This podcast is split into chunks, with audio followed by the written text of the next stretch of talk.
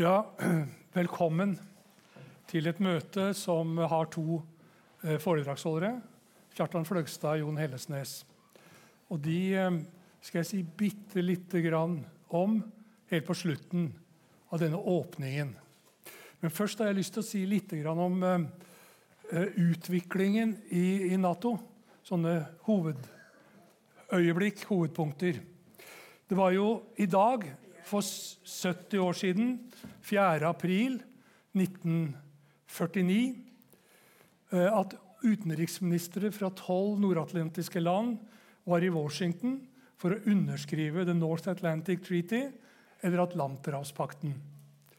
Og på Norges vegne så underskrev utenriksminister Halvard Lange fra Arbeiderpartiet. Det var USA som var initiativtaker, og hovedformålet var ifølge president Truman å demme opp for den sovjetiske kommunismen. Den sentrale bestemmelsen i Atlanterhavspakten var artikkel 5, som sier at et væpnet angrep mot ett av medlemsstatene er et angrep mot alle. Og Nato ble presentert som en eh, defensiv allianse. Hovedkvarteret var inntil 1952 i Washington, og USA dominerte Nato helt fra starten. Norges tilslutning til Nato og til USAs antikommunisme i 1949 skjedde ikke uten motforestillinger. Mange visste hva Sovjetsamveldet hadde bidratt med i krigen mot nazismen og Tysklands okkupasjon av Norge. Og det var få som i åra etter krigen så på Sovjet og kommunistene som fiender man måtte ruste seg mot. Mange i Norge ønsket at vi skulle være nøytrale og uavhengig av blokkene. Det var altså uenighet og diskusjon om Norges forsvars- og utenrikspolitikk, om Nato-medlemskap i Norge på den tida, også i den politiske eliten. I dag er det knapt diskusjon om Nato til tross for at den opprinnelige hovedfienden, den sovjetiske kommunismen, er beseiret. Russland uten kommunisme er den nye hovedfienden. I 1958, da USA og Nato foreslo at det skulle stasjoneres atomvåpen i Vest-Tyskland for å motstå den røde fare, murret det ekstra sterkt i Norge og medlemmer i Sosialistisk studentlag ved Universitetet i Oslo krevde i et opprop at Norge måtte legge ned veto i Natos råd. Vesttyske styrker skal ikke utstyres med atomvåpen. Over halvparten av stortingsrepresentantene til Arbeiderpartiet ga sin tilslutning til dette oppropet, sammen med fagforeninger som representerte 300 000 LO-medlemmer. Dette oppropet ble gjort kjent den 5. april 1958, altså for 61 år siden i morgen. Og det kom som et politisk sjokk på toppledelsen i Arbeiderpartiet. Partimedlemmer ble ekskludert, og Sosialistisk Studentlag utstøtt fra partiet. Men samtidig så kviknet debatten rundt Norges sikkerhetspolitikk til. Og det ble arrangert store atommarsjer i mange steder i Norge. I dag så er dette påskeopprøret nesten glemt. Nato er mektigere enn noensinne. Den politiske eliten er samstemte i fordømmelsen av Russland, i å bevare atomvåpen i Nato og kreve et dyrere og mer slagkraftig og offensivt militærapparat.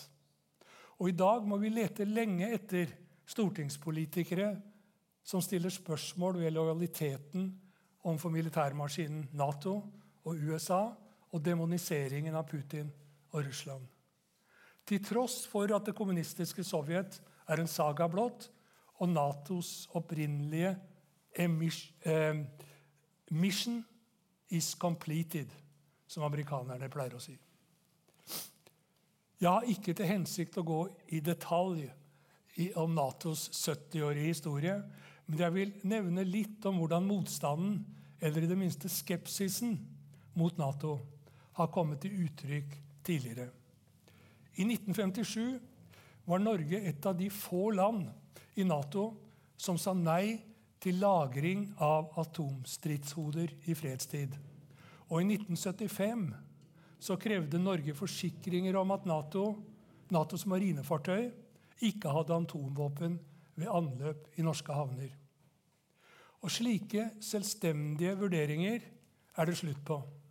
Svært få i det politiske establishment protesterer mot at US Marines har base på Værnes, at marinesoldatene lagrer våpen og tungt militært materiell i Trøndelag, eller at Norge, sammen med de øvrige Nato-land, ikke vil ratifisere FNs resolusjon mot atomvåpen.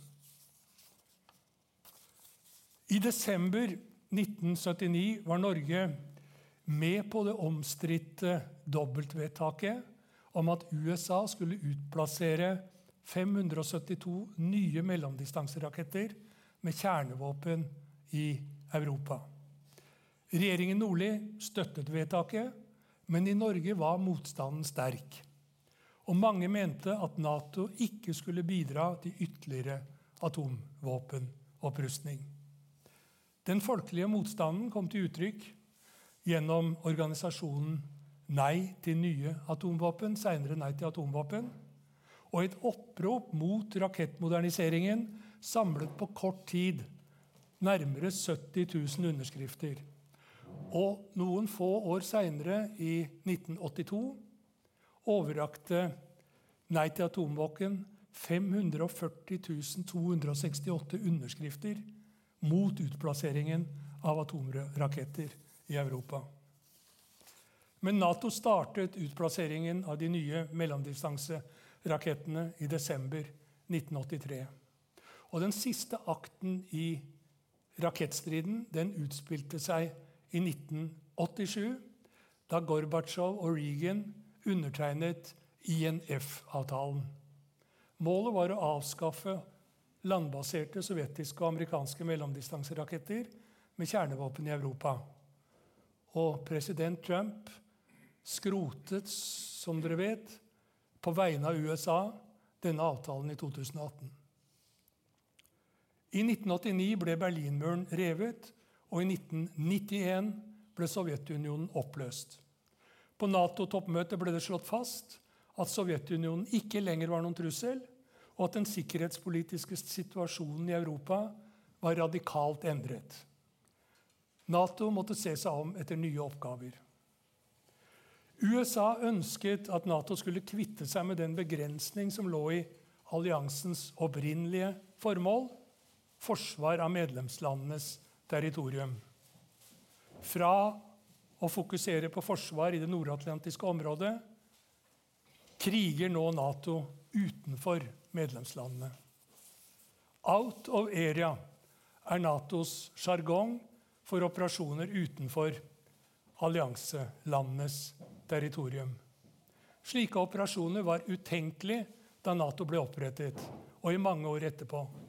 Men i et strategisk konsept, som det heter, fra 1991 ble det åpnet for krigføring på andre lands territorium. Og også Norge har deltatt flere ganger i out of area-kriger etter 1991.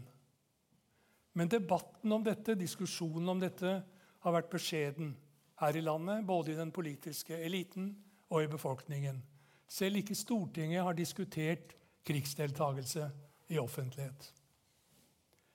Før 1990 deltok ikke Nato i såkalte militære operasjoner, men bare i perioden fra 1990 til 1995 har det vært 13 pågående eller avsluttede militære operasjoner. Og flere har det blitt siden. Siden 1999 har Nato deltatt i kriger i Jugoslavia i 1999, Afghanistan fra 2001, Irak 2003, Libya 2011. I 1999 så gikk Nato til krig på fremmed territorium og gjennomførte luftangrep på serbiske styrker og strategiske mål i Kosovo. Kosovo-krigen viste at Nato var endret fra å være en forsvarsallianse til å bli en krigsdeltaker også out of area. Det samme har vi altså sett i Afghanistan, i Irak og Libya. Nato har blitt en annen organisasjon enn den de tolv opprinnelige medlemslandene sluttet seg til. Krig utenfor organisasjonens kjerneområde er nå hovedformålet. Dette arrangementet det er ment som en markering, men ingen feiring av at Nato har eksistert i 70 år. Og til å snakke om sider ved Nato så har vi invitert eh, forfatteren Kjartan Fløgstad og professor Jon Hellesnes. På forskjellige måter har begge vært opptatt av Nato, av krig og hva krigen fører til. Jon Hellesnes med sin nylig utkommende bok 'Nato-komplekset', om eh, militærpolitikk, atomvåpen og norsk USA-servilitet. Den har vi noen eksemplarer for de som vil kjøpe. Og Kjartan Flogstad har med romantrilogien eh, 'Grense Jakobselv', 'Nordøstpassasjen' og 'Magdalenafjorden' også tatt opp viktige spørsmål knytta til eh, krig og ikke minst hva som skjer med de som har skodd seg på krigen i krigens kjølvann. Eh, Kjartan Fløgstad vil starte med å si noe om hans holdning, hans reaksjon, på denne tittelen til dette møtet. Så vil Jon Hellesnes si noe, og deretter så vil det bli en samtale der vi også inviterer salen til å delta. Så vær så god, Kjartan Fløgstad.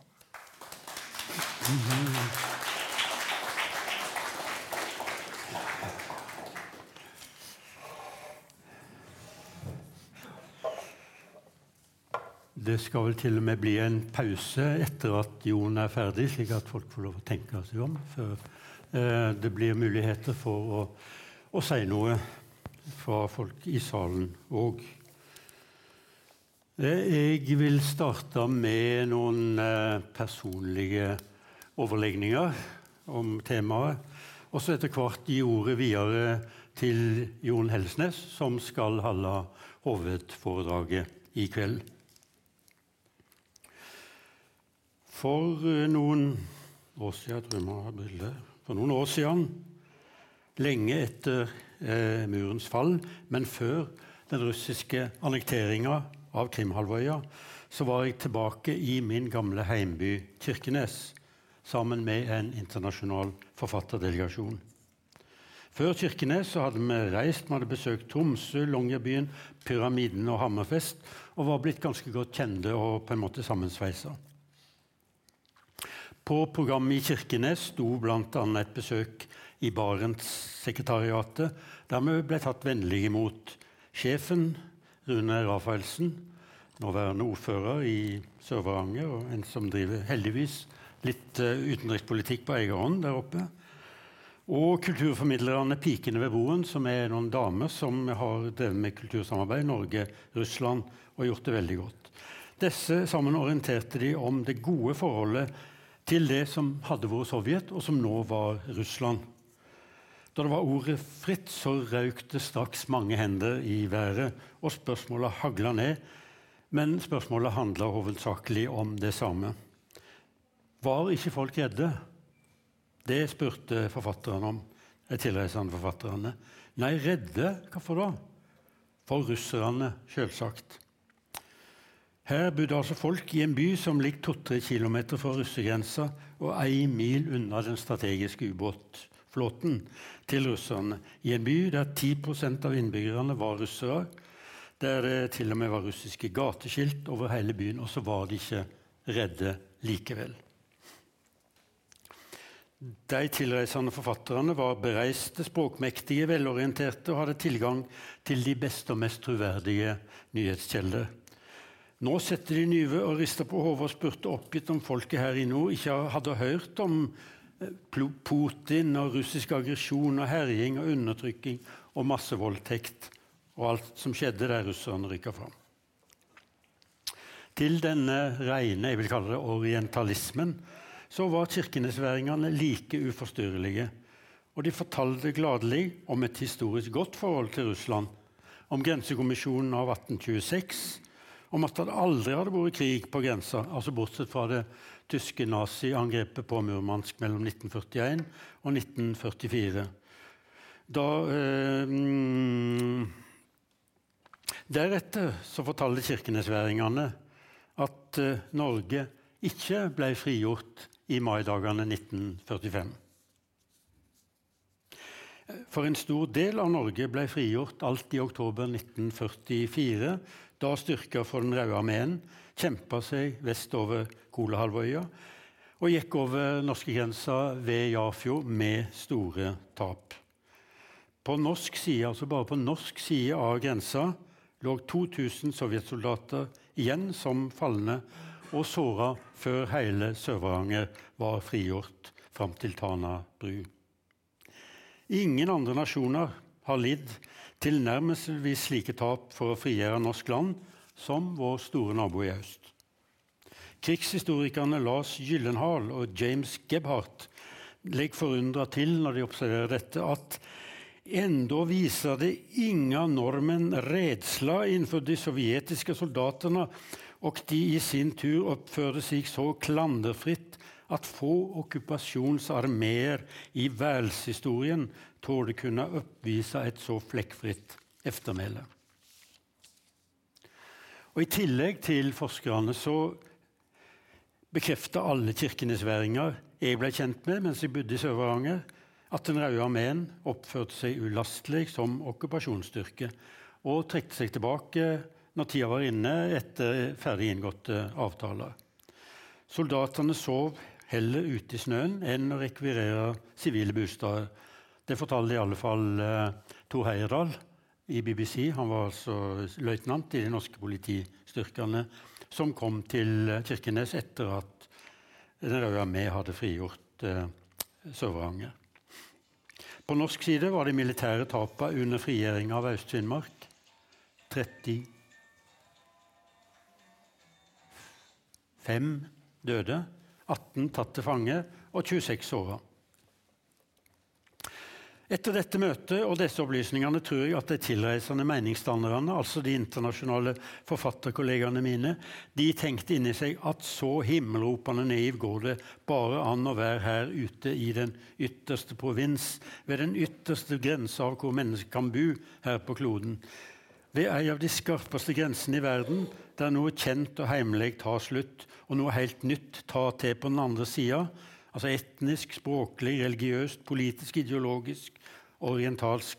Der var folk ikke redde i det hele tatt for det store og mystiske andre, altså på andre sida av grensa.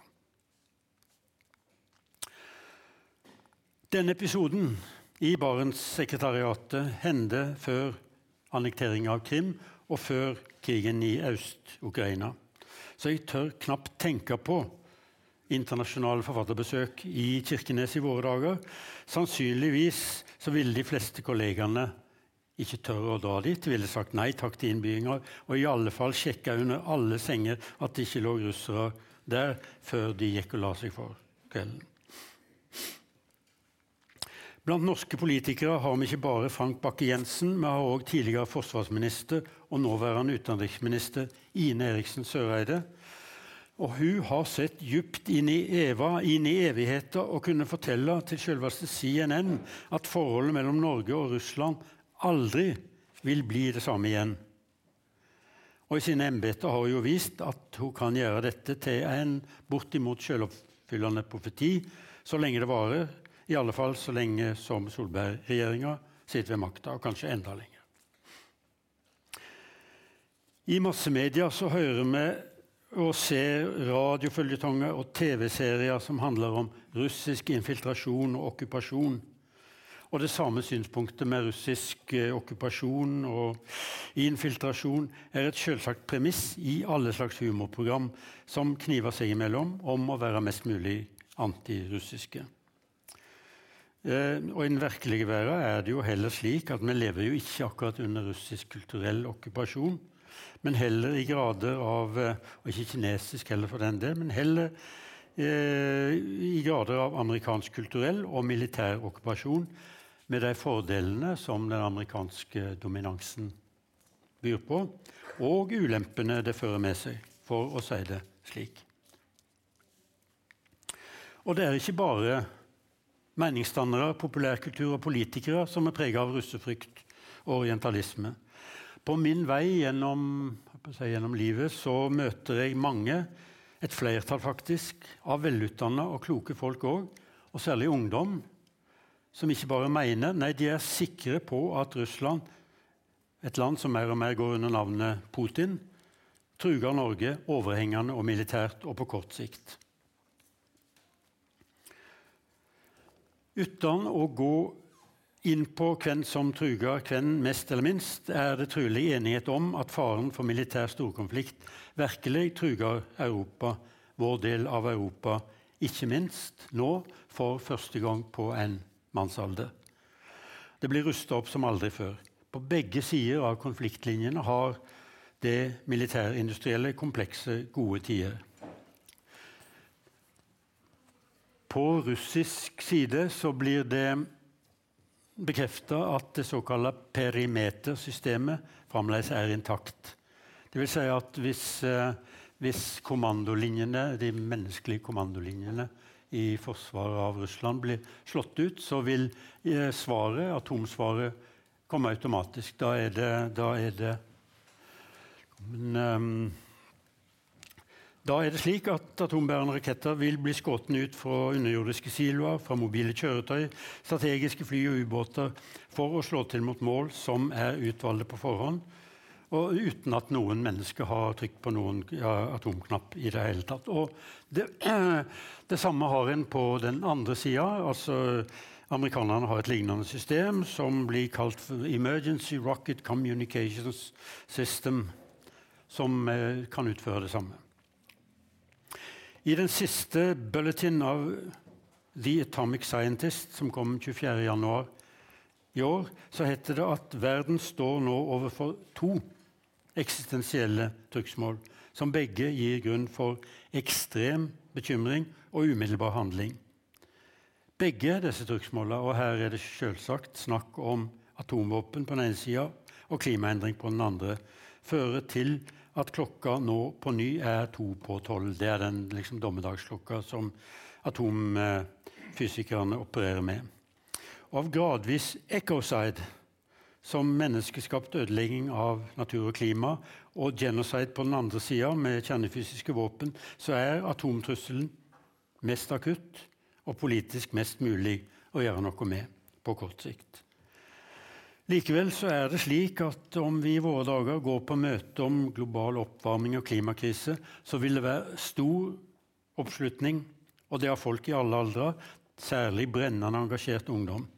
Men dersom temaet derimot er atomtrusselen, avspenning og militær nedrustning, så er det gjerne slike som meg, altså i min alder, som står på talerstolen. Og det er også gjerne bedre plass i salen, der alderssammensetninga ofte er slik at til og med jeg trekker gjennomsnittsalderen betydelig ned.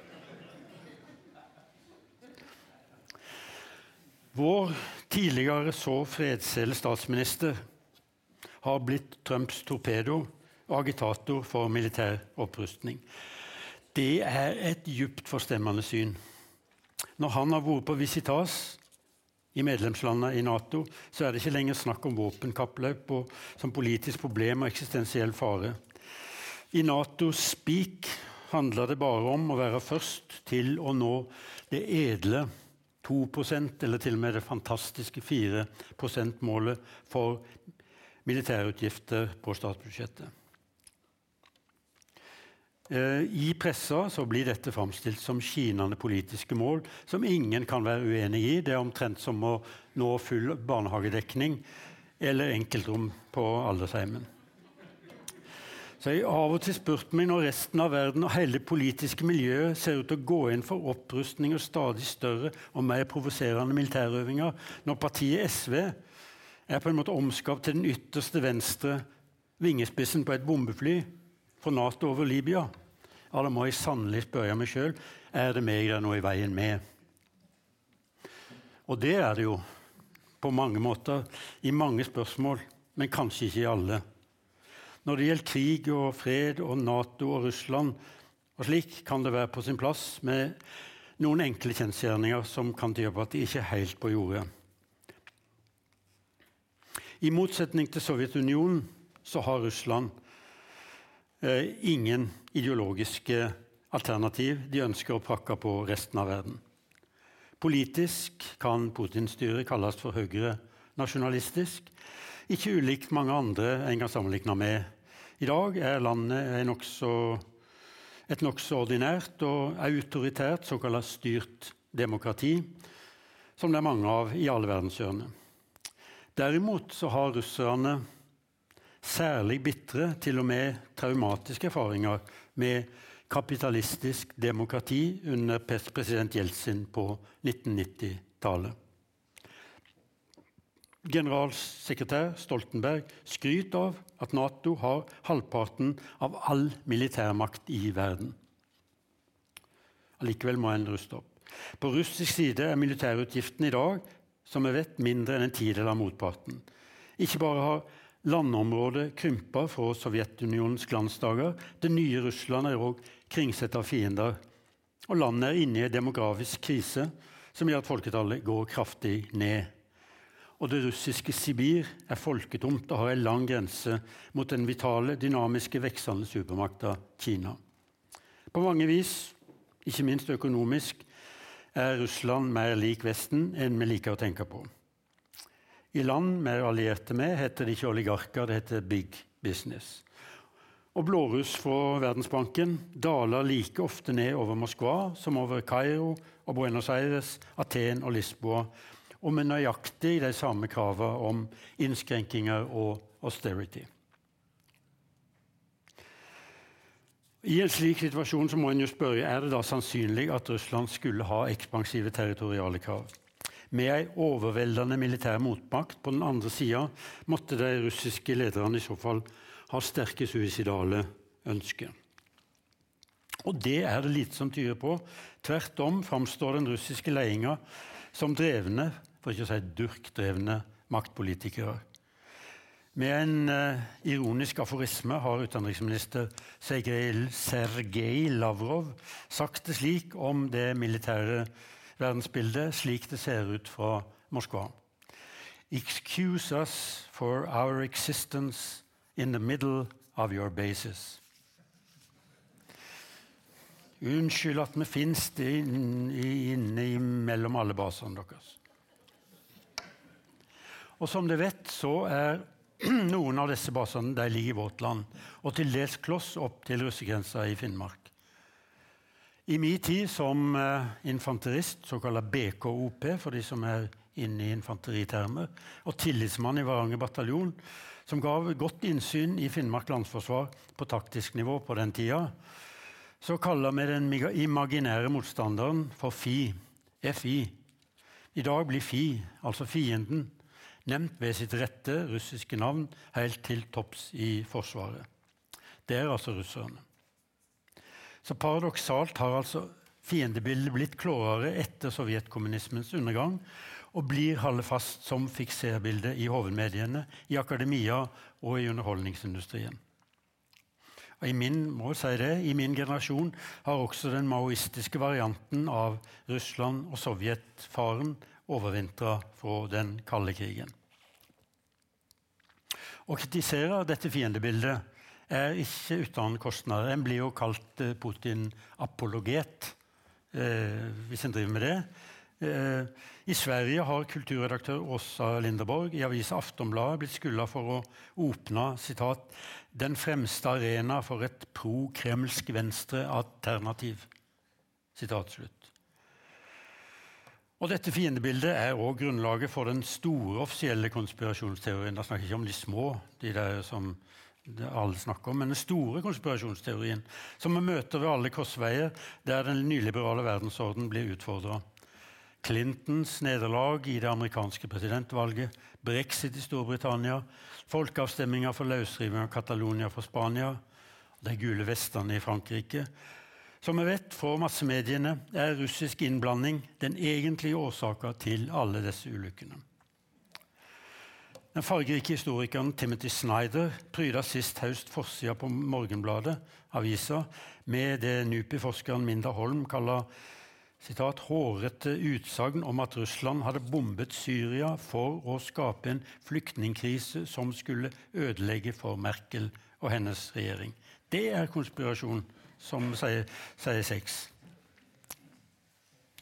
På den andre sida var det slik at da Boris Jeltsin sikra attvalg ved det russiske presidentvalget i 1996, så var det som resultat av massiv, massiv amerikansk innblanding. Og som amerikanerne ikke skjemtes over i det hele tatt, men var stolte av. De var også stolte at amerikansk presse ope fortalte om innblandinga på første side, f.eks. i Time Magazine, som viste ei eh, tegning av en smilende Boris Jeltsin med Stars and Stripes i handa og med teksten exclusive Yanks to the rescue, the secret story of how American advisors helped Yeltsin win, på forsida. Men når USA blander seg inn i statsstyring av andre land, både på fredelig vis og militærmakt, er det som vi vet, bare for å hjelpe til med gode gjerninger og demokrati også av og til med norsk flystøtte i Libya, eller som i Ukraina, der US ambassador Victoria Nuland fant rette mannen til å styre landet etter å ha lete lenge. I think that's the guy, var det demokratiske utropet. Da var det funnet han. Eller i Venezuela, der alt fredsprisvinner Barack Obama i 2015 erklærte at Venezuela var en extraordinary threat mot amerikansk trygghet og der en sier en har innført handelsblokade, for så å gjøre gode gjerninger ved å sende inn en karavane med litt av det nødhjelp amerikansk politikk har innført blokade mot. Her vil jeg gi ros til norsk UD ved Ine Eriksen Søreide, som ikke har hoppa rett på den amerikanske intervensjonismen i Venezuela. I dag er det jo ikke så mange som utfordrer dette verdensbildet. Når så skjer, er det så uhørt at de trufaste kjepphestene fra den kalde krigen straks blir sala opp på ny. Her er ideologien støpt i blysats fra 1959 og der omkring.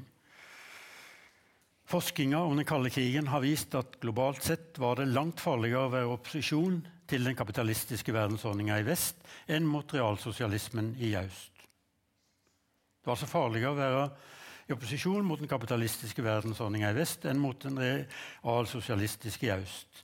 Den autoritative Cambridge History of the Cold War, eh, redigert av en som heter Leffler og en nordmann som heter Westad, og gitt ut i 2010, sier det slik. Fra 1962 og fram til det sovjetiske sammenbruddet i 1990 var tallet på politiske fanger, torturoffer og ikke-valgelige politiske dissidenter i Latin-Amerika langt høyere enn i sovjetsamveldet og de østeuropeiske satellittstatene. Medan de aktive politikerne våre stort sett taler med ei tunge, med Nato-spik, har noen eldre statsmenn, som Mikhail Gorbatsjov, Henry Kissinger, Frank Walter Steinmeier fra Tyskland, Kåre Willoch i Norge, frigjort seg fra de mest stivbeinte krigsklisjeene. Og så vil jeg gjerne få lese et kort brev som George F. Kennan, som var på en måte arkitekten bak den kalde krigen, den kalde krigen var den, den gamle kalde krigen på 50-tallet utover.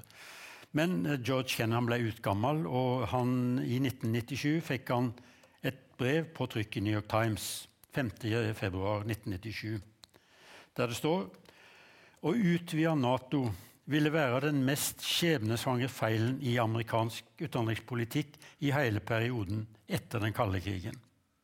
Et slikt vedtak kan ventelig piske opp de nasjonalistiske, antivestlige tendensene i den russiske opinionen, motvirke utvikling av russisk demokrati, gjenskape stemninger fra den kalde krigen i forholdet øst-vest og drive russisk utenrikspolitikk i retninger vi avgjort ikke vil komme til å like. Jeg syns det er vanskelig å se for seg at det går an å bli mer sannspådd enn det George Kennan var i dette brevet. I tillegg til disse aldrende politikerne, til og med eldre enn meg, så kommer et fåtall akademikere som John Mersheimer og Stephen F. Cohen, Noam Chomsky, Diane Johnston.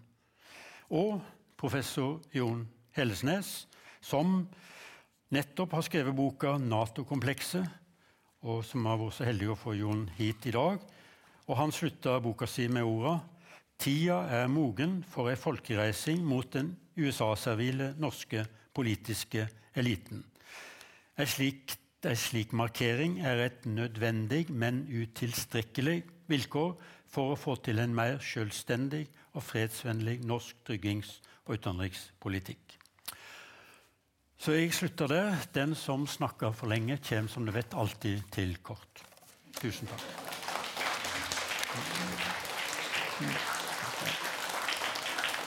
Og ja da å, Jeg trodde jeg hadde introdusert Jon, men nå er det Jon sin tur. og Han kommer rett på talerstolen og overtar etter meg.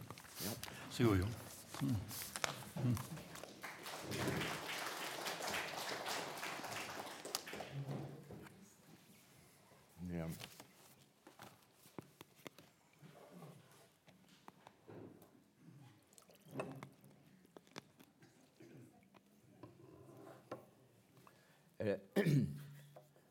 Er lyden eh, ok? Ja. Jeg håper at noen eh, stiller spørsmål om eh, Libya-saka i diskusjonen etterpå. Jeg har et litt annet opplegg nå, men det er et viktig tema blitt. Under militærøvinga Joint Reindeer i Nord-Norge vinteren 2018 uttaler en, en nederlandsk offiser, Harro de Fries, at det kjennes som om vi nærmer oss en ny kald krig. Ytringa er svært villeiende. Vi har jo vært inne i den nye kalde krigen i flere år nå. Eh, kanskje vi kunne sette 2008 som klar start på den nye kalde krigen. Denne gangen mangler frontene dessuten rasjonelle aktører som veit, eller i det minste er interessert i å vite hvor langt en kan gå i maktspillet uten at uh, den såkalte terrorbalansen bikker over i full krig. Den labile tilstanden gjør faren for krig større nå enn under den forrige kalde krigen. Det er noe som den amerikanske militæranalytikeren og historikeren og tidligere presidentrådgiveren Stephen F. Cohen har framheva. I det siste har tidligere uh, sjefanalytiker i CIA, Ray McGovern, sagt det samme. Det vanlige på Nato-norsk er at det, at det, er ikke så farlig med atomvåpen for tida. Det var farlig, men det er ikke det lenger.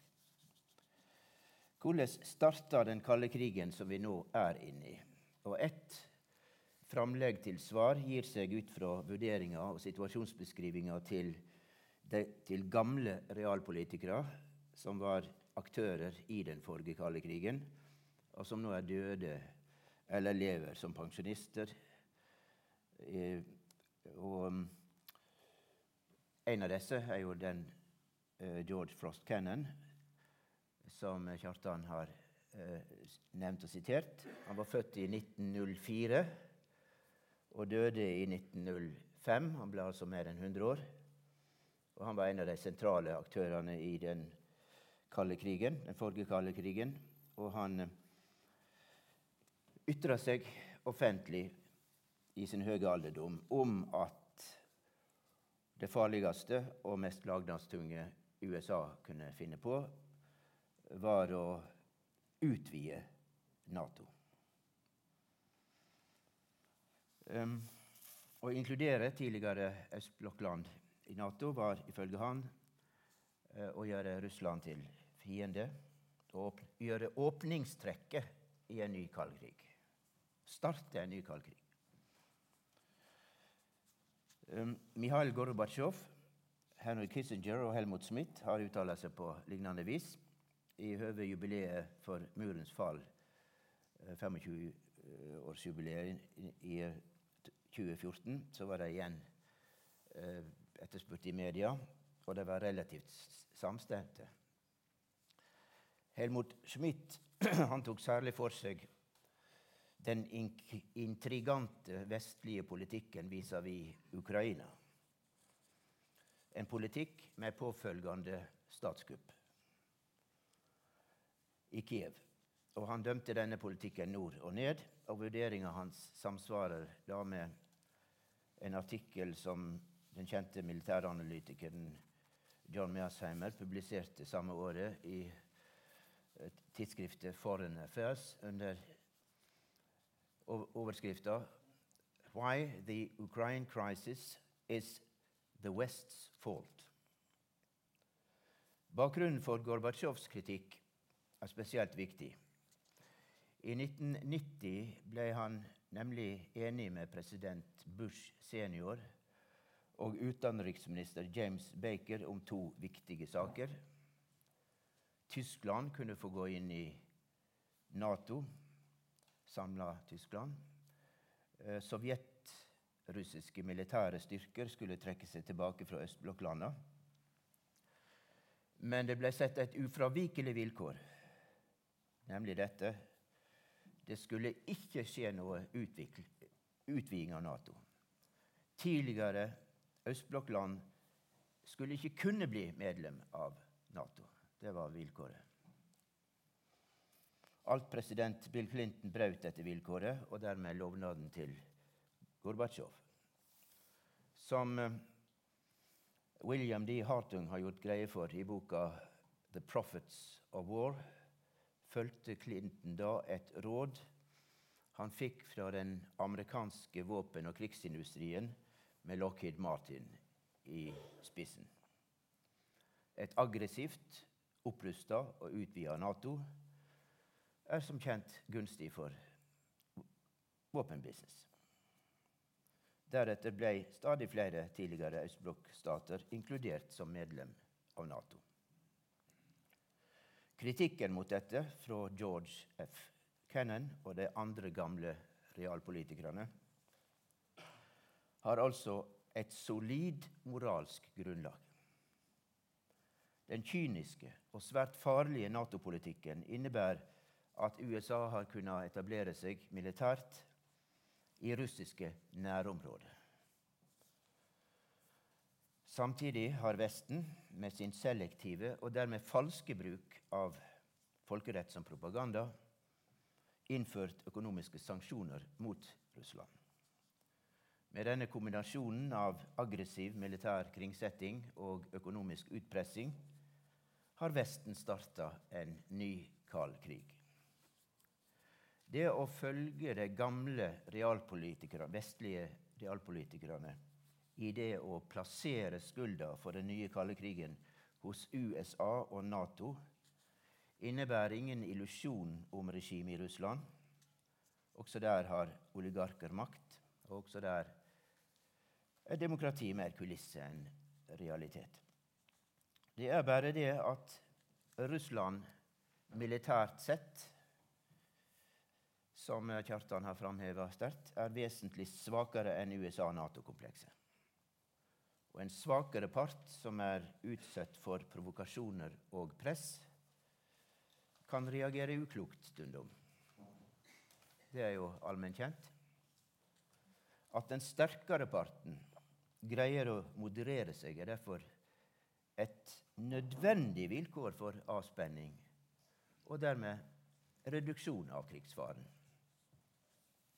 Eksistensen av kjernefysiske våpen gjør dette ekstra viktig. Men evna til moderasjon er dessverre fullstendig fraværende i USA og Nato-komplekset. Mot dette vil nok somme fremdeles si som så uansett hvem som har starta den nye kalde krigen, så er Russland og Putin en fare for Norge. Jf. missiler i Petsjengadalen tett ved grensa til Norge. Vi trenger støtte fra USA. Slike ytringer har jeg hørt en del ganger. Og det får meg til å tenke på ei hending i Frankrike for lenge siden. En gang i 1960-åra kom det opp et skilt ved et bur i den zoologiske hagen i Paris. Uh, og Der sto det på engelsk This animal is vicious. If attacked, it defends itself.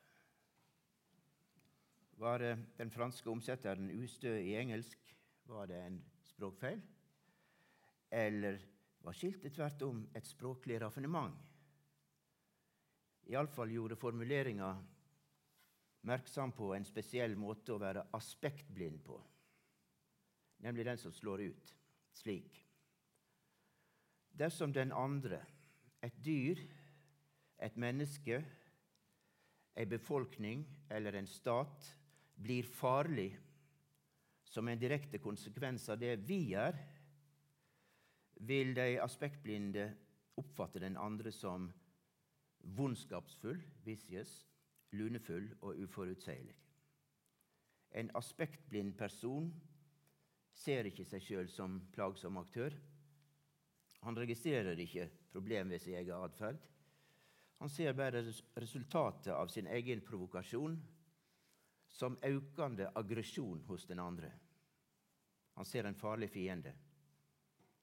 Den halverte situasjonsforståinga gir den aspektblinde subjektivt rett til å sette inn enda kraftigere forsvarsmiddel. Han er uten evne til å moderere seg. Gjennom å innlemme tidligere østblokkland i Nato har USA, som nevnt, et, eh, kunnet etablere seg militært i nærområdet til Russland. Systemet av baser utgjør etter hvert en kringsetting av Russland. Det er enormt mange hvis en ser det på et sånt kart som av og til blir vist på fjernsyn. Dette er ingen aggressiv trussel, heter det. Den militære oppbygginga er bare et forsvar mot Putin-regimets lumske aggressivitet. Men sett fra russisk side er ikke, det, er ikke dette bare sterkt provoserende. Det utgjør en svært farlig situasjon som krever mottiltak. Om en ikke er aspektblind, så, så innser en jo det. Russland har vært invadert av Vesten flere ganger tidligere, fra Napoleon til Hitler.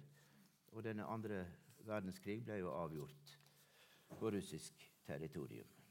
Og, der, og det var jo mer enn 25 millioner sovjetborgere som uh, let livet. Den enorme dimensjonen til krigsøvinga Trident Juncture senhøstes 2018 markerte at Norge er blitt en aktiv deltaker på den offensive sida i den nye kalde krigen. Ei slik markering gjør det klart at det fredelige, diplomatisk ordna naboskapet med Russland er avslutta på statsnivå. Serviliteten overfor USA ligger tungt i norske medier, inkludert NRK, i Stortinget og i regjeringa. Og den innebærer at staten Norge ikke bare har sagt ja til USAs angrepskriger for regimeskifte og faktisk deltatt, eh, senest i Libya, men eh, at Norge også har akseptert Natos atomvåpenstrategi. Og det, det er det emnet jeg skal gå mest inn på nå. Det er denne atomvåpenstrategien. En sivilisert atomvåpenstrategi er umulig å få til, er min påstand. Det er umulig å få til. Derimot kan det finnes en sivilisert atomvåpenpolitikk. Det er mulig å få til. En slik politikk innebærer å arbeide for reell kjernefysisk nedrustning. Men da vil utenrikspolitikken til vestlige land måtte være åpen for internasjonale avtaler om kjernefysisk nedrustning med gjensidig kontroll. Slike avtaler og tiltak var det mulig å få til tidligere. Men eh, det forutsetter en diplomatisk innstilling fra Vestens side. Den nåværende aggressive militærpolitikken og sanksjonspolitikken til Vesten gjør høflig diplomati vanskelig, kanskje umulig. I så måte er en sivilisert atomvåpenpolitikk lagt bort innenfor Nato-komplekset. Å godta Natos atomvåpenstrategi er å godta at det innenfor alliansen skal finnes et politisk verv som i en ekstrem unntakssituasjon medfører ei eneveldig makt som overgår alt historia kjenner av dispoti og totalitært diktatur. Vervet som amerikansk president gir som kjent makt til å utløse det kjernefysiske drapspotensialet i en ekstrem situasjon. Dette kan skje ved et såkalt massivt kjernefysisk svar på et fiendtlig angrep. Det kan også skje ved å utføre et overraskende første slag, jf. den gamle Hauke-doktrinen som var slik. Det er mulig å vinne en atomkrig, men bare hvis en slår til først. I begge tilfeller vil dette være å gjennomføre en type masseslakt som er verre enn det verste i menneskeslekta si historie. Nazi-Tyskland gjennomførte folkemord, genosid, i stor skala. Men det kjernefysiske masseslaktet utgjør omnisid, altså utrydding av menneskeslekta. I tillegg til utrydding av mange andre biologiske livsformer. Juristen Jens Evensen, som etter å ha gjort en god jobb som havrettsminister, var dommer ved domstolen i Haag, brukte termen 'den totale forbrytelsen' om denne handlinga. Dvs. Si å utløse det kjernefysiske destruksjonspotensialet enten som første slag eller som svar på et angrep. Uansett. Det var den totale forbrytelsen. I boka 'Nato-komplekset' er en av tesene jeg argumenterer for at bruk av atomvåpen er hinsides, hinsides mulig legitimering ut ifra sivilisert normativ tenkning, in inkludert statsrett. Um, Norge har godtatt Natos atomvåpenstrategi som altså innebærer at den amerikanske presidenten i en ekstrem situasjon kan utføre den totale forbrytelsen. Og Dermed har Norge også godtatt sin egen framtidige situasjonsbestemte transformasjon til lydrike under det totale diktaturet som blir realisert straks atomkrigen er aktuell. Ehm, den delen av ehm, boka der bl.a. dette står. Det er henta fra en artikkel som jeg publiserte i det danske tidsskriftet for rettsvitenskap for mange år siden. Det er bare en liten del av det. Og I et uh, tidsskrift av den typen så er det slik at det er fagfolk som vurderer hvorvidt en skal komme inn der. Og så, hvis det er gått ei stund, og det er ingen fagfolk som har opponert mot det, så teller det som kunnskap. Det er sånn tidsskrift. Altså at uh, det er umulig innenfor rettsstatlige rammer å legitimere eh, atomvåpenstrategi. Etter at kunnskapen om den såkalte kjernefysiske vinteren er etablert, er det mye kunnskap nå om atomvåpen som er forelda. Og jeg skal da ta et eksempel som går på dette nye. Det vil si, det nye er jo ikke at en kjenner til dette, men at det er blitt, blitt et tema. Det er nytt. Kjernefysisk vinter. Hvis f.eks. USA utsletta Kina med et uventa kjernefysisk angrep. Mens ingen krigshandling gjør fysisk skade her i Europa eller i USA eller i Russland eller noen andre plasser, så vil dette endre seg i løpet av relativt kort tid. Oska etter de enorme fysiske reaksjonene i Kina blir straks sogen opp i stratosfæren. Etter hvert legger den seg rundt hele planeten. Sollyset blir da stengt ute. Den kjernefysiske vinteren blir global. Fotosyntesen og andre vitale biologiske mekanismer slutter å fungere.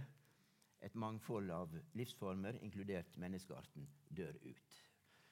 Eh, nylig var det et møte i New Zealand om, om uh, kjernefysisk vinter. og uh, Hovedforedragsholderen som jeg hørte på YouTube, han er den tidligere sjefen for det, det britiske atomvåpenarsenalet og alt som hadde med eh, atomvåpen i Storbritannia å gjøre. Og han har til liks med andre høyere offiserer hoppa av pga. dette her, temaet her. Han er, han er, blitt en støttespiller for ICAN. Han der, jeg husker ikke navnet hans. Og, det, og da var et diskusjonstema hvordan vil det være med en eventuell atomkrig mellom, mellom Pakistan og India, gitt det eh, relativt eh, ikke så omfangsrike eh, Eh, atomvåpenarsenalet der. Eh, og så vidt jeg forsto, eh, så var det Oppsummeringa var at det ville ikke være fare for sånn total kjernefysisk vinter, men det ville være en drastisk forverring av klimaet også på den nordlige halvkula. Så uansett atomkrig, stor eller liten, så er det forferdelig farlig, selv om den skjer langt borte, og vi ikke blir Vi bare leser om det i avisene inntil det begynner å skje. Det er altså en kategorial forskjell mellom krig og atomkrig. Det betyr at argument som kan være relevante og ok i en diskusjon om krigstiltaking, blir absurde i en diskusjon om atomvåpenstrategi. F.eks. gir ideen om å kjempe for fridom, folk og land den gir bare mening så lenge det kan finnes livsvilkår etter krigen.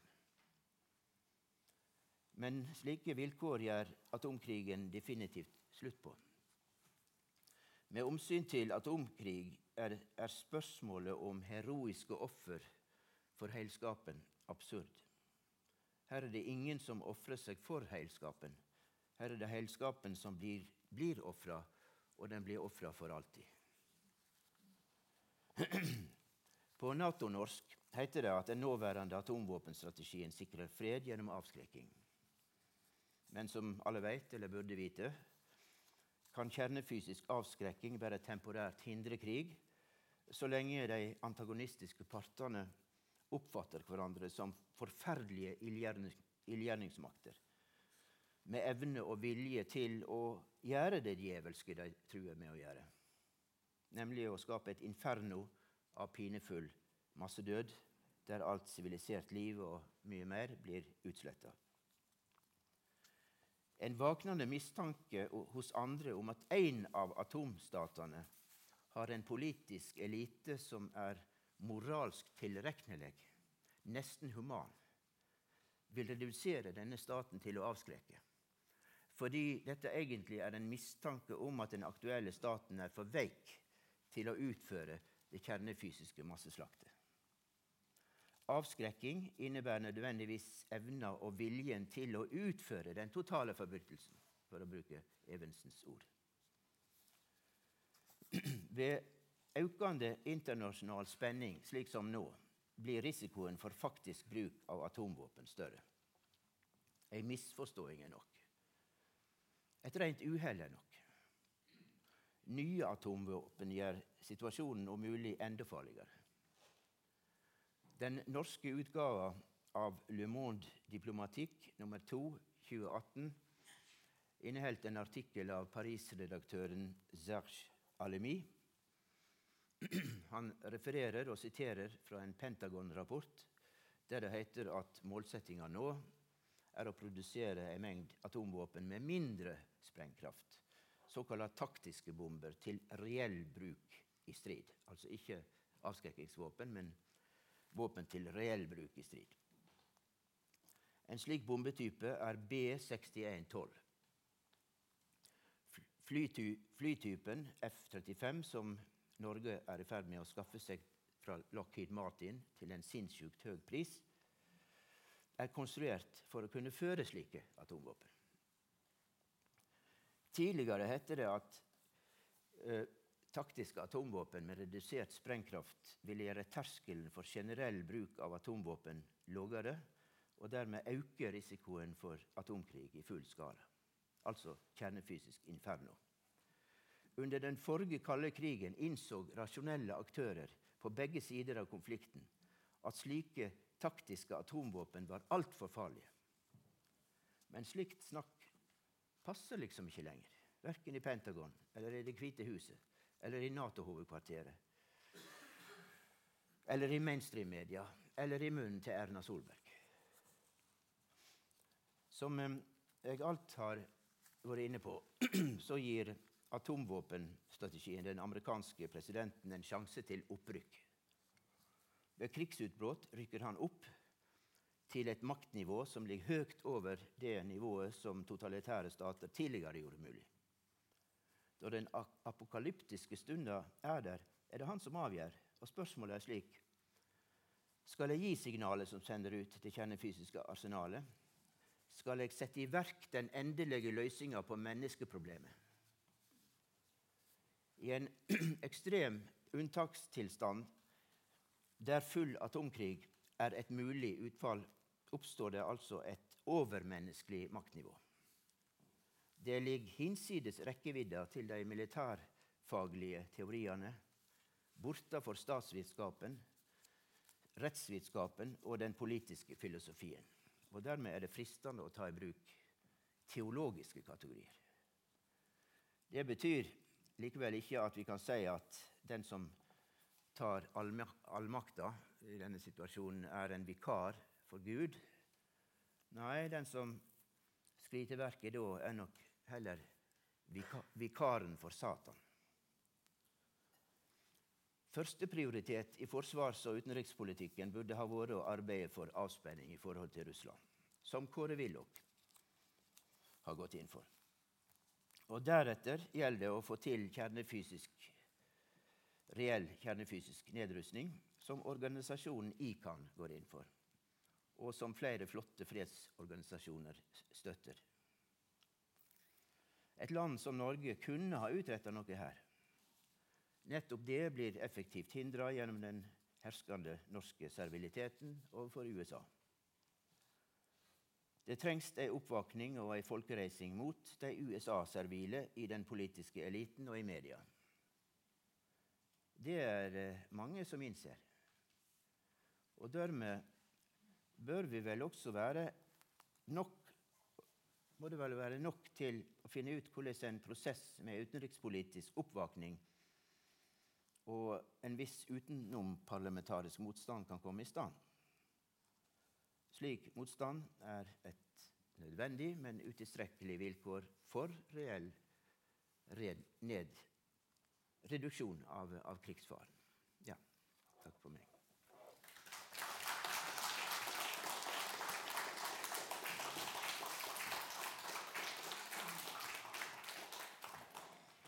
Nå var det pause. Ja, jo. Vi tar eh, ti minutters pause, dvs. Si til ca. kvart på. Eh, og så vil vi da gi anledning til å delta i en diskusjon der både Kjartan og Jon vil svare på eventuelle spørsmål og kommentere deres kommentarer. Da jeg skal prøve å holde orden på en taleliste. Så dere får eh, eh, gi meg et tegn hvis dere vil eh, kommentere eller har spørsmål. Og hvis det er sånn at jeg ikke vet hvem det er, så må dere starte med å si hva dere heter. Så da gir vi ordet fritt. Ja, hva, hva heter du? Gustav Ellen Karlsen. Ja. Ja, jeg snakka i pausen litt med Harald Reppesgaard, og jeg tror at de aller fleste som er her, de er enig i det. Så at rubbel vil bite av det som blir sagt fra talerstolen her. Det, er den på? Ja. Man nå? hun nå? Ja. Jeg tror nok de aller fleste her er absolutt enig i nesten alt som blir sagt. Men eh, det store problemet det er jo hvordan skal man få tak i ungdommen? Hvordan skal man bygge ny opinion? Hvordan skal man gjøre dette kjent? Og er det sider ved dette som vi ikke berørt? Jeg vil trekke frem to ting der. Det ene er å få frem ikke bare at det er vond vilje, vonde beslutninger, men teknologiens fare og begrensning. Feilmulighetene som følge av rett og slett helt alminnelige teknologiske feil, som en strømstans. Vi opplever stadig vekk at tog står osv. Noe som absolutt ingen ønsker, men som liksom skjer. Sånn som flystyrtene i Etiopia. De konkluderer med at alt fungerte, og likevel gikk det galt. Det er det ene momentet. Det andre er noe som også er stor enighet om, og det er jo den såkalte ekstremismen. Altså IS og hele den virksomheten der. Der du har høyt, dyktig kvalifiserte folk på en rekke forskjellige områder. Den irakske hæren kollapset totalt på noen timer i Mosul. Um, hva betyr dette for hacking, for kjøp og av deler, og rett og slett lagring av atomvåpen som kan eh, improvisere, så å si, eh, ganske enkelt, for så vidt, eh, gjennom teknologiske oppkjøp og nyvinninger og tilsvarende ekspertise. Det er kanskje momenter som folk ville kunne ta inn over seg på en annen måte enn dette med at vi definerer ut faren for atomkrig, for vi har en slags tro på den politiske rasjonaliteten.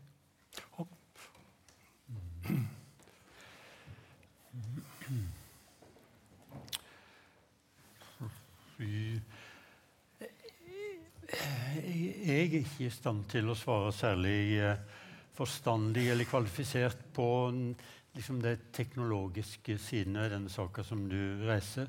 En ting som ikke bare jeg, men slett ikke bare jeg, men mange har tenkt på når det gjelder å få andre enn godt voksne aktivister til å tenke på det slike spørsmål som vi holder på med i kveld, det er å prøve på en eller annen måte å koble det til, til uh, miljøproblematikken. Altså når, når eh, engasjementet er så bredt og stort og djupt og intenst som det er der, så skulle en jo tro at det kunne bli det hvis den, dyktige, hvis den rette politikeren tok det opp når han knytta det til det som Jon beskrev som den, det er jo liksom den ultimate eh, klimakatastrofen. Så jeg har tenkt i de baner at hvis det skulle kunne begynne å rulle på en måte, så måtte det være i den retning.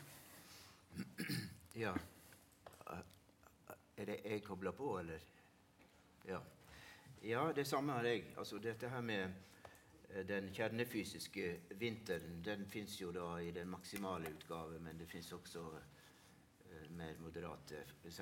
diskusjonen om hva vil skje med klimaet hvis, hvis det blir eh, militær konflikt mellom India og Pakistan, som det ofte er i Kashmir, og det blir brukt atomvåpen. Vil det være hva slags klimainnvirkning vil det ha? Det, vil, det, er, det, er, det, er, da et diskusjonsemne blant uh, tidligere atombombemenn som nå er eh, hoppa av og er uh, i, i støttespillere til ICAN.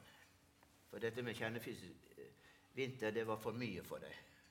Altså, en eh, amerikansk admiral, også sjefen for atomvåpenarsenalet eh, i Storbritannia. De var med på denne konferansen i New Zealand om kjernefysisk vinter. Og så er det dette med risiko. Og den risikoen den er jo veldig stor når det gjelder uh, uh, atomutløsning av atomkrig. Uh, altså uhell. Det fins minst to, to hovedtyper av, av uhell. Det ene er um, uh, uhell der det fins et menneskelig mellomledd, for å si det slik. Uh, I 83 så var det jo sånn i, at uh, på disse her varslingsapparatene i Sovjetunionen så var fem atommissiler på vei fra USA til Russland. Eller Sovjetunionen, som det da heter. Og så var det da en oberst som var på vakt, eh, som hadde liksom eh, ansvaret. Eh, og eh, de så disse her missilene på sine monitorer. Og situasjonen var entydig. Han skulle utløse da det sovjetiske svaret først, og så skulle han kontakte Brezjnev etterpå. Altså Det var helt klart. Han skulle gjøre det på den måten. Han eh, nekta. Da de underordna sa at ja, men nå skal, vi, nå skal, vi, sette i gang. Det er jo helt klart hva vi skal gjøre. Og så, og så stoppa han det. Han eh, ble jo kjent som uh, 'the man who saved the world'. Han var, uh, det ble laga et uh, TV-program om han da han var til, på sine eldre dager var, var i FN og holdt en, et foredrag og ble presentert som 'the man who saved the world'. Det, det, det, andre tilfellet det var under Cuba-krisa. Da var det jo en uh, Disse atomubåtene atom til Russland var jo Eller Sovjetunionen var jo, fulgte jo en del av disse skipene. Og USAs krigsskip brukte dypvannsbomber. Og det slo ut da Eh, en del av det her radiosystemet til ubåtene, slik at de ikke lenger hadde eh, kontakt med, med Russland, eller Sovjetunionen. Og da var det klart hva de skulle gjøre. De skulle altså sette i gang eh, sine missiler mot, mot, USA. For det, dette betydde jo at, at uh, tredje verdenskrig var, var begynt. Og så var det nestkommandøren på en av båtene som sa at det skal vi ikke gjøre. Altså han, begge disse brøt jo sin militære orden. Det, det gikk ikke så bra med dem etterpå. Uh, fordi de var ulydige soldater. Mm.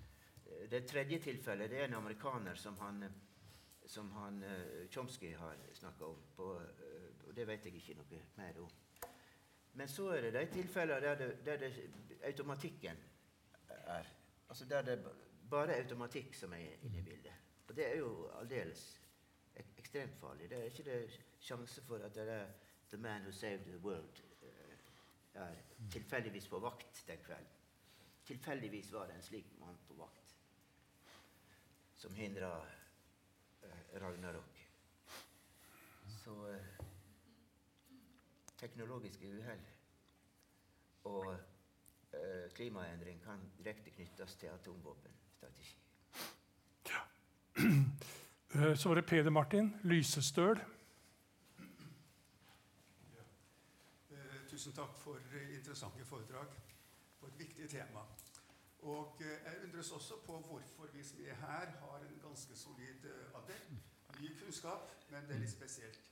Og husk på det. Da vi var unge, så hadde vi avis som het Orientering, som hadde som hovedsak utenrikspolitikk. Som hadde saker om Nato, atomvåpen, hver uke. Mm. Og som hadde en stortingsrepresentant, Finn Gustavsen, som tok det på Stortinget, som tok debatten opp. Har, har noe sånt som skjedde i går på, på, i forbindelse med at Stoltenberg var på, i Washington, og NRK bringer hele debatten ut, uten motforestillinga, så har Finn Gustavsen sannsynligvis vært på høyre tvert. Nå har vi ingen sånne. Vi har, jeg vokste opp med det. Vi har fått inn med morsmelka og forstår det. Ungdommen i dag har ikke fått sjansen og Sånn sett vil jeg si at ungdommen langt på vei er hjernevaska, at vi har mye av ansvaret. Eh, når jeg så Stoltenberg i går på TV med sin gutteaktige, kjekke stil, med stor applaus fra amerikanere, så presterer han faktisk å si at siden, 9, 49 så har vi ikke hatt krig i Europa. Altså, jeg skvett. Ingen krig i Europa. Bombingen i Jugoslavia er ikke så lenge siden. Og Jugoslavia er vel i Europa. Man presterer å si det. Ingen motforestillinger, ingen sånn annet. Ungdommen sitter og hører på, folk hører på. Ingen krig i Europa. Nato har vært veldig viktig. altså ført krig i Europa. Vi har ført krig over hele Midtøsten. Store kriger. Vi truer Russland eller Sovjetunionen. Uh, og, og, man fremstiller Nato som en fredsorganisasjon med den snille, gutteaktige Jens Stoltenberg som vi er så glad i. Så det er en massiv indoktrinering av vår ungdom. Og hjernevasking, Så det, det er litt av en jobb vi har. Men jeg tror at utfordringen nå ligger til partiet på venstresida, som er nødt til å ta det her på alvor. Både SV og Rødt prioriterer utenrikspolitikk altfor lavt. Hvis du leser deres programmer, så, ligger det langt bak i prioriteringsrekka. Og i debatten innenfor de to partiene så er det heller ingen, har, har det ingen sentral plass. Uh, og uh, det her er alvorlig. Så jeg tror at vi som har sånne partiinteresse og partibakgrunn, må ta det på alvor og, og ta opp hansken. Det er i hvert fall sånn som jeg ser det. Ja, takk. Ja, vi, vi, vi får høre hva han, representanten for NKP mener med at det ikke finnes partier på venstresida som er opptatt av utenrikspolitikk og fredsspørsmål. Men så var det Torolf. Hvis ikke dere vil ha lyst til å kommentere? Nei, det var applaus. applaus. Ja.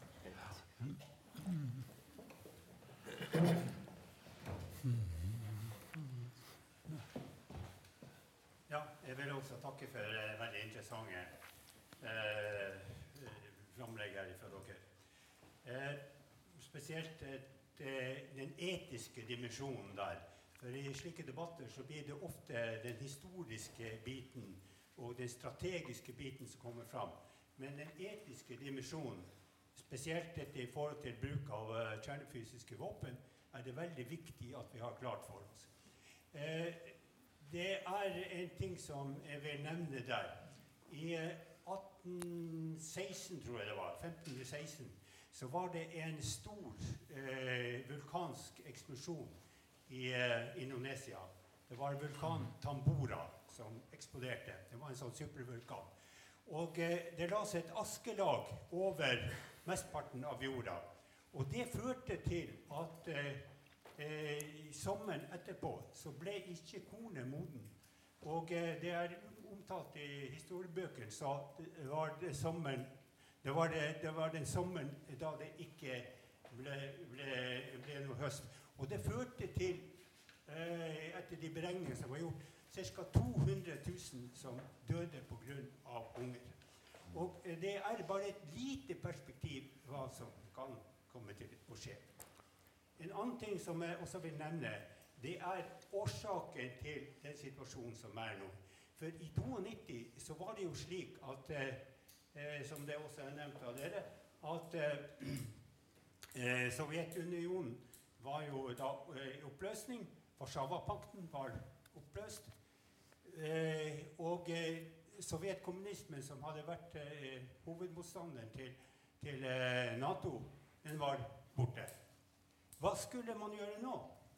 Og det er jo det interessante. fordi at, at da var det jo mulighet for en storstilt nedrustning, avskaffing av atomvåpen.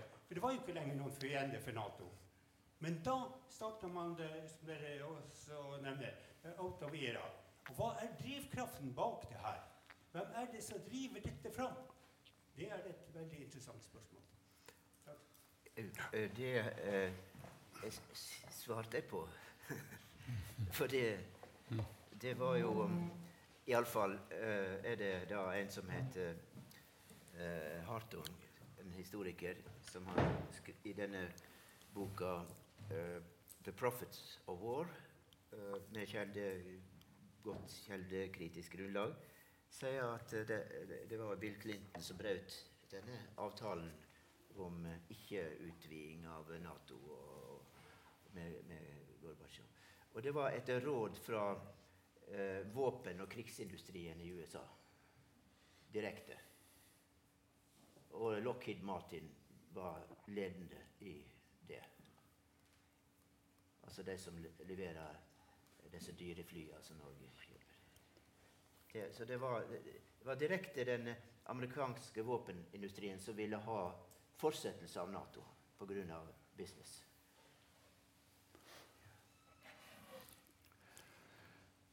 Um, det var noen år tidlig på 90-tallet, før dette, dette starta.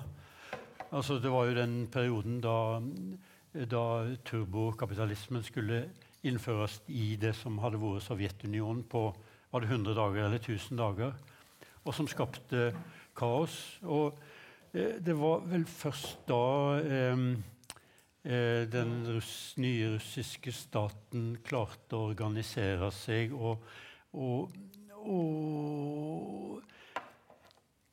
det ikke var rene vestlige nikkedokker som styrte i, i Moskva, at, at, dette ble gjennomført for, for, fullt. Så jeg tror nok det var en politisk debatt. Uh, og det var en politisk debatt eh, en del år utover på 90-tallet før dette ble vedtatt, eller dette ble gjennomført. Og det var jo snakk om eh, jeg tror jeg seriøst i, liksom, i, den politiske eliten både her og der at Russland kunne bli en partner, iallfall assosiert i Nato. At en kunne opprette en europeisk sikkerhetsordning som omfatta øst og vest. Og det kunne jo være en, en tanke den dag i dag. Kanskje den norske regjeringa kreve Organisere en, eh, en, stor europeisk sikkerhetskonferanse. Og, og ja eh, En plass må en begynne.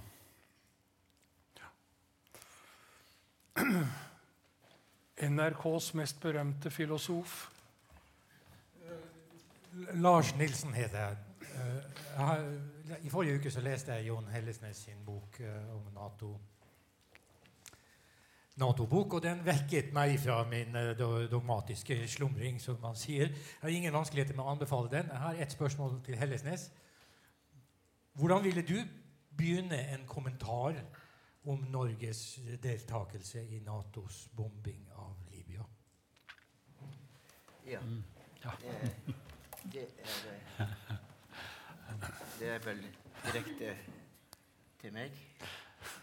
Og da vil jeg bruke de samme uh, eksempler som jeg har brukt i en uh, artikkel i Klassekampen. Uh, der sammenligner jeg to situasjoner. Det er da oberst Lawrence Wilkerson, som det ene eksempelet mitt, og så er det norske politikere på den andre sida. Og Oberst Wilkerson han var da eh, nestkommanderende for Colin Powell, både i militær sammenheng og i Utenriksdepartementet. Eh, han, eh, han eh, la til rette det materialet som eh, Colin Powell presenterte i eh, FN som, av, som en del av legitimeringa av Irak-krigen. Altså det materialet som viste at Eh, Saddam Hussein hadde weapons of mass destruction og eh, hadde kontakt med Al Qaida. Så gikk det ei stund, og så ble det jo klart at dette etterretningsmaterialet var løgn og bedrag. Storpolitisk svindel. Eh, da var Wilkinsons situasjon den at han var lurt med på noe som var egentlig veldig forferdelig å starte krig.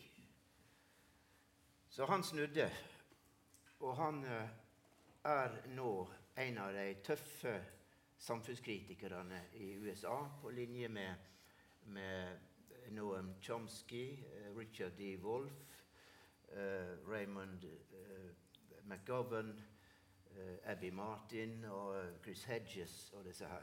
Han, han deler den analysen som at, går ut på at politisk korrupsjon i praksis er avkriminalisert i USA. Og at big corporations kan kjøpe seg politikere på alle nivåer i systemet. Men i motsetning til sine kollegaer så er Wilkinson en skuffa høyremann. Så han håper på en renessanse for det, den demokratiske rettsstaten som han, tror, som han etter hans framstilling i USA en gang var. Nå er USA ikke et demokrati. Det er et oligarki, ifølge han og alle de andre. disse her. Det er det ene eksempelet. Så er det det andre eksempelet at uh, i, uh, i, Norge så var det jo et veldig press for at Norge skulle delta i, i uh, Libya-krigen. men ute i verden var det jo diskusjon om det. Det var jo, det var jo Sarkozy i Frankrike og Cameron-regjeringa i England som ville ha, ha i gang denne krigen. Og, uh, men i England var det jo mange parlamentarikere som opponerte mot denne forsinka kolonikrigen i Afrika. Så der var det diskusjon. I US, eh, den afrikanske unionen fordømte eh, krigen fra første stund. I USA var det motstand også, i Pentagon. Eh, Robert Gates, forsvarsminister, ville ikke ha USA med på krigen. Hærsjefen, Mullen, han ville heller ikke ha USA med på krigen. Så den krigsentusiasten der, det var jo Hillary Clinton. Hun hadde mektige forbundsfeller. Altså, det var Hillary Clinton som var krigsentusiasten i USA. Og når hun endelig fikk Obama med på krigen, så gikk Gates av. Han sa opp som forsvarsminister. Eh, dette var jo eh, Ute i verden, i, i, viktige politiske miljøer, så var jo dette en kontroversiell sak. Men likevel så greide Stoltenberg å framstille deltaking i, i luftkrigen i Libya som en ikke-kontroversiell humanitær intervensjon. Og ingen i den politiske eliten tok bryet med å undersøke den framstillinga. Og det ville ha vært lett å avsløre. Så, så er det da øh, går det noen år, og der er det jo øh, bl.a. Klart at den største etniske fordrivinga siden palestinerne ut av eh, altså da eh, Israel ble etablert, den skjedde jo i Libya. Det var den svarte befolkningen som hadde bodd der i, i flere generasjoner, eh, som ble massakrert og dreven ut. Og denne befo svarte befolkningen var altså samtidig den kristne befolkningen. Det var en afrikansk biskop som sa at Saddam Hussein-regimet var et nødvendig vilkår for å at kunne, den kristne minoriteten kunne fortsette å eksistere i Libya. Alt ble ødelagt av det opprøret som Nato støtta, og luftstøtten var helt eh, nødvendig for at de skulle greie denne eh, raseringen av. Så Kristelig Folkeparti velsigna nesten bombene. Hun der eh, Eriksen. Og det, og, og det, er den største kristenforfølginga etter etter, etter antikken. Det er ingen kristne igjen i Libya etter opprøret. Men ingen ser noe moralsk problem med dette i Stortinget når de har det eh, på dagsordenen. Det er jo helt grotesk. Og eh, jeg har jo skrevet at jeg forventa at det ville ikke skje noe, noe opprør med det moralske havariet. kommer ikke. Men når jeg får bekrefta dette, så er jeg likevel sjokkert over at jeg har rett. Jeg trodde jeg overdrev litt, men det har jeg altså ikke gjort. Ja. Altså, Jon har jo skrevet et uh, kapittel om dette i boka som absolutt er lesverdig. Uh, for det gir mye av den samme Det gir den bakgrunnen som han nå har fortalt om. Så det er en av de kapitlene som man bør lese, må lese. Uh, så er det Harald Reppeskår.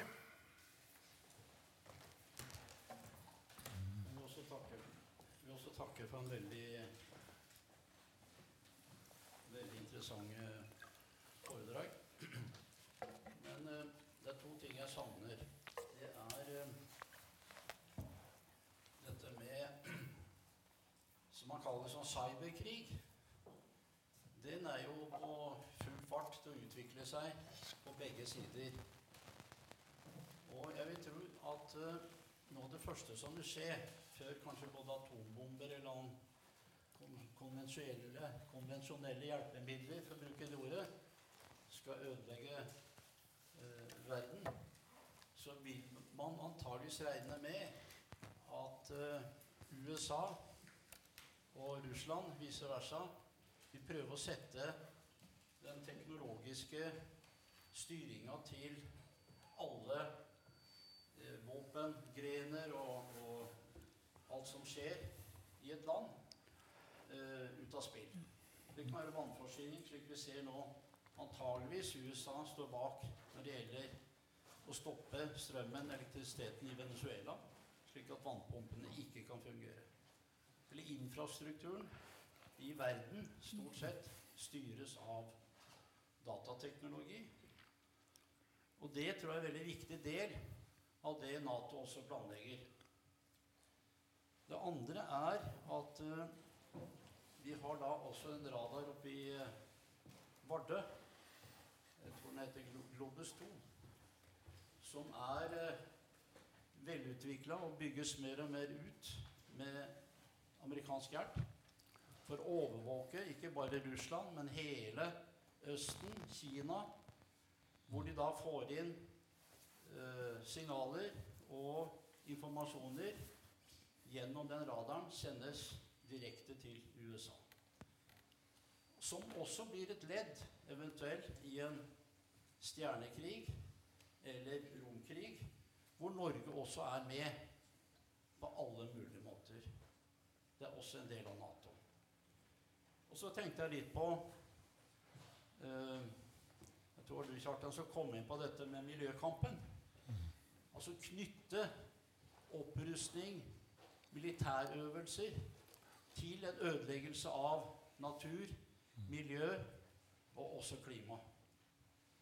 Og når 40 000 elever går i tog rundt i, i dette landet, og flere hundre tusen i Europa elever som går i tog for å protestere mot miljøødeleggelsene, så burde det være mulig å få noe av de samme som etter hvert nå begynner å reagere på utviklingen, også til å se dette i sammenheng med opprustning og i verste fall det som kalles da uh, en kjernefysisk vinter.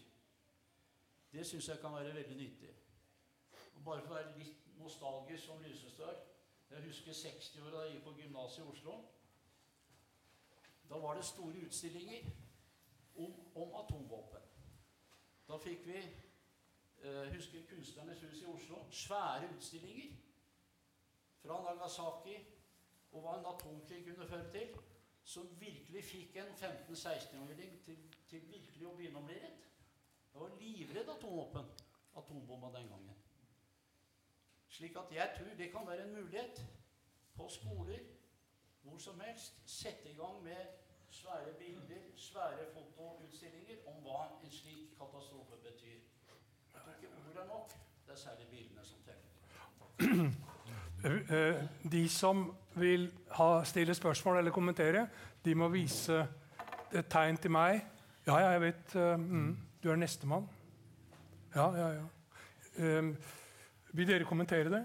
Ja, bare det, er et veldig viktig moment, med cyberkrig. Og det har jo vært brukt uh, antagelig i Iran. Dermed at uh, USA brukte med, med, stor effekt.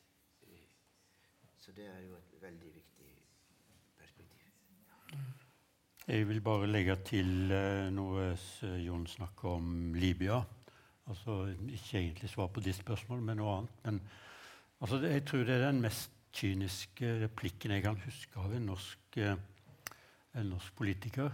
Eh, forsvarsministeren da, da Norge hadde bomba Libya, sa vi leverte i verdensklasse. Og det var å kaste bomber på et land uten luftforsvar. Altså, eh, som da norske luftstyrker drev med. Og det ble beskrevet da som en innsats i verdensklasse. Vi har jo vært litt inne på dette med eh, forbud mot atomvåpen og disse eh, forsøkene i FN på å arbeide for det. Og det har jo eh, Norge unnlatt å både skrive under på og ratifisere. Og vi har altså den stedlige representanten for ICAN sittende her, og du har lyst til å si noen ord? Mm -hmm.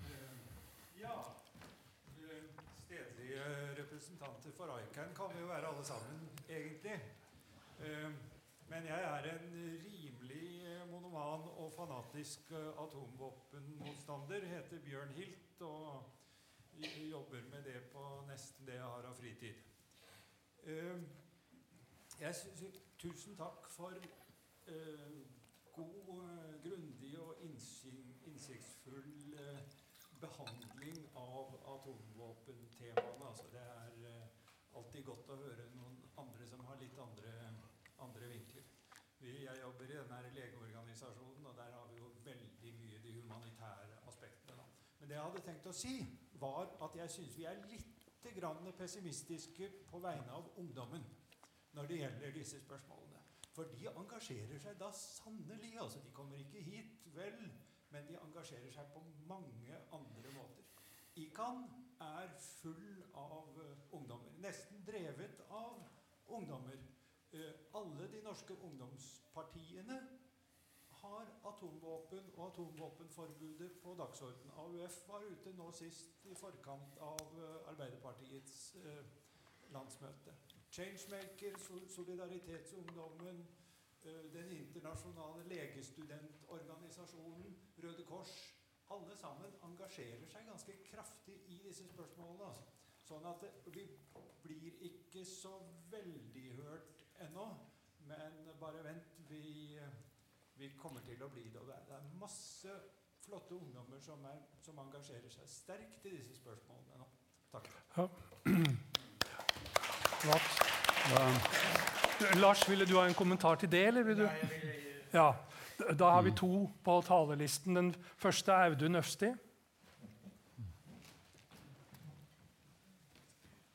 Ja, Det var bare et, et, begrep jeg hadde lyst til å føre inn her.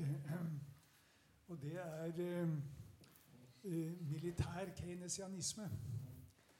Altså det, uh, det Hvis vi tenker på uh, Eh, amerikansk eller USA-amerikansk eh, tankegang, så er det jo klart at staten skal holde seg unna økonomien og ikke gripe inn eh, med krenesianske manøvrer eller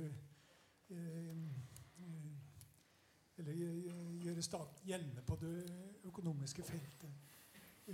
og det det som er interessant, syns jeg da, det er at man i USA har funnet en måte å omgå dette her, eh, hva skal vi si, denne normen om statens økonomiske tilbakeholdenhet. Eh, funnet en måte å omgå det på, nemlig ved å fòre det militærindustrielle komplekset. Og så De statlige midlene går inn der, og så blir det selvfølgelig sildrer det ut i økonomien eh, via, via dette, dette komplekset. Og det, det tror jeg må betraktes som en ganske, ganske farlig form for keynesianisme. Ja. Eh, kan jeg kommentere? Ja. Chomsky har, nett, har, et foredrag om dette der på YouTube. Ja. Det er ikke på, på tekst. Jeg, har, altså, jeg har sett sett et foredrag på skjermen om akkurat det der. Da har vi Lars. Ja. ja det er, siden vi har Kjartan Følstad her, så er det veldig urimelig å ikke sende en uh, pasning over til han også. Altså, Jeg hadde stor glede av romanene dine. Jeg har alltid hatt det. Men så vidt jeg minnes, så etter at jeg hadde kommet til Trondheim på 1980-tallet, så skrev du en bok om en flyver. Eh, U3. Og eh, Jeg leste den bare én gang den gang jeg husker du fikk kjeft av kritikeren her i Adresseavisa for du slengte med leppa om NTH. Og, ja, og, og, og øl, og, øl og kjønnsdrift og, musikk. men han våkner etter hvert opp og ser seg selv som en del av en større helhet. Han har en kjæreste som og hun insisterer på å være eksistensialist. Så vidt jeg husker. Hun, hun fikk ikke til å si eksistensialist. Stemmer ikke dette? Ja, Veldig moro å bli minnet på gamle synder. ja. Men i alle fall eh, Jeg tenkte å stille et sånn kontrafaktisk spørsmål, siden vi er moderne mennesker. Mm. Hvordan ville han ha reagert på situasjonen i dag, på det som Hellesnes har levert? Hva tror du, du som er dikter? Ja, jeg kan, jeg kan fortelle hvordan han reagerte. For han, uh, dette var jo et, en sånn lysende gutt som var best i alt og turna og slikt. Og på den tida han levde, 50-tallet, så ville han bli eh, jagerflyger. Og så blir han jagerflyger. men så får han jo uh, second thoughts, som det sikkert heter i hans bransje, og, og, begynner å tenke seg om.